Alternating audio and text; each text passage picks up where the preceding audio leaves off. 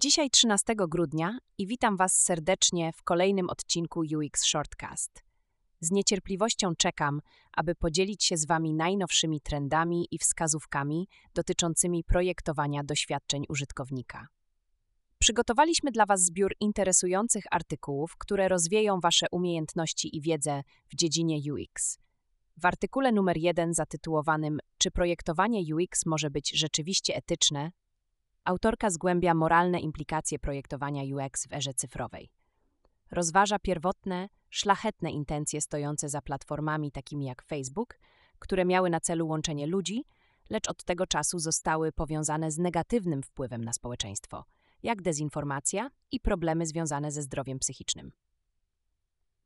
Artykuł podkreśla brak formalnej przysięgi etycznej lub szkolenia dla projektantów UX w przeciwieństwie do ich odpowiedników inżynierii. Autorka zauważa, że choć projektanci UX są wyposażeni w umiejętności badawcze i zasady projektowania, istnieje luka w edukacji dotyczącej długoterminowych efektów ich pracy na społeczeństwo. Postuluje głębsze rozważenie aspektów etycznych w projektowaniu UX, uznając, że tworzone struktury cyfrowe będą trwać i kształtować przyszłe społeczeństwa. Perspektywa autorki to perspektywa projektanta i empaty zaniepokojonego, który opowiada się za bardziej odpowiedzialnym podejściem do projektowania UX. W artykule numer 2 zatytułowanym Pokazywać, nie opowiadać, jak wykorzystać ograniczone lub zarzucone prace projektowe, Kai Wong porusza często spotykany dylemat projektantów. Czy i jak włączyć do swojego portfolio projekty objęte klauzulami poufności NDA lub takie, które zostały anulowane. Artykuł wczuwa się w strach i niepewność towarzyszące zwolnieniom z pracy oraz frustrację wynikającą z faktu, że lata pracy pozostają ukryte ze względu na umowy o poufności. Autor sugeruje projektantom, zwłaszcza w środowiskach pracy zdalnej, proaktywne podejście w celu zabezpieczenia swojej możliwości prezentowania swoich prac. Radzi on, aby uzyskać wcześniejszą zgodę na używanie materiałów projektowych w portfolio i podkreśla wagę robienia kopii pracy z tą zgodą. Ta strategia pomaga uniknąć niezręcznych i często nieudanych prób odzyskania prac po stracie dostępu po zwolnieniu.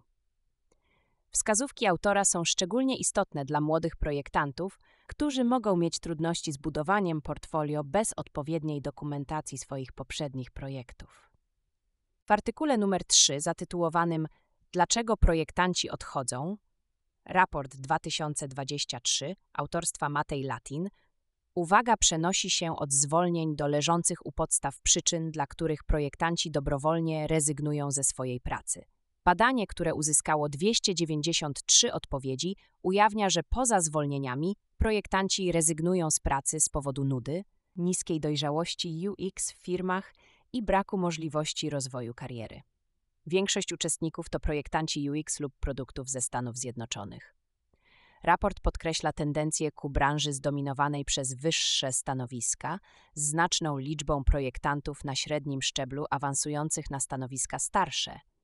Jednak wielu z nich znajduje się w martwym punkcie bez możliwości dalszego awansu.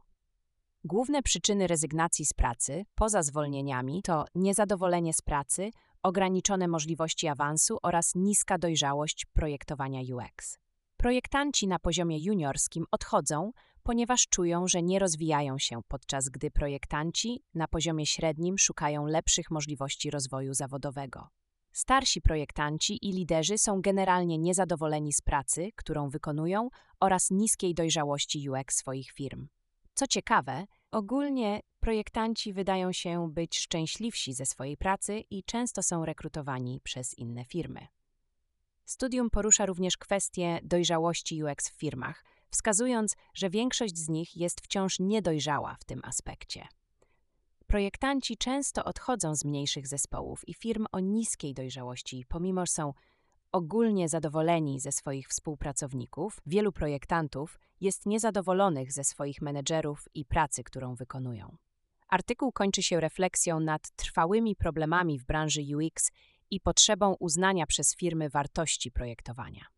W artykule numer 4 zatytułowanym Generatywne AI dla projektantów UX pięć rzeczywistych zastosowań, które zbadałem, Shanak Banarkar omawia wpływ generatywnej inteligencji sztucznej na projektowanie UX. Przedstawia pięć praktycznych sposobów, w jakie projektanci UX mogą wykorzystywać narzędzia AI. 1. Badanie przestrzeni problemowej. AI może usprawnić wstępną fazę badawczą, pomagając projektantom bardziej efektywnie rozumieć przestrzeń problemową niż w przypadku tradycyjnych wyszukiwań internetowych. 2. Badanie grupy docelowej.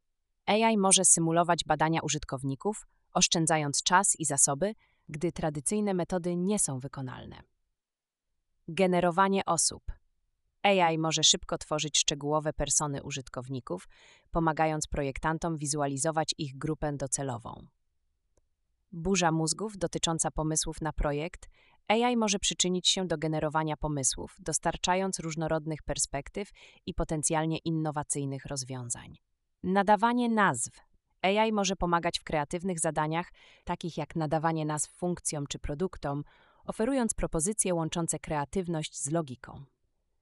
Doświadczenia Banarkara ukazują, że generatywne AI może być cennym atutem w procesie projektowania UX, czyniąc zadania bardziej wydajnymi i skutecznymi. W artykule 5 Błędy UX w prawdziwych aplikacjach, część pierwsza, Apigit Nayak podkreśla często spotykane błędy projektowe w znanych aplikacjach, zaznaczając, jak ważne jest uczenie się na tych pomyłkach, by poprawiać nasze własne projekty UX. Nayak wskazuje pięć konkretnych problemów z UX. 1.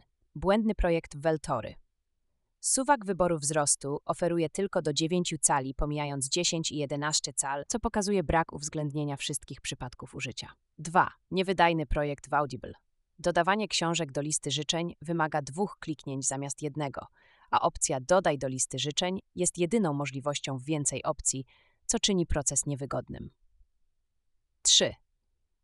Leniwy projekt w Amazon. Przycisk w Amazon Pay nie wyróżnia się wizualnie, prowadząc do zamieszania, ponieważ nie odpowiada oczekiwanej akcji lub stanowi przycisku.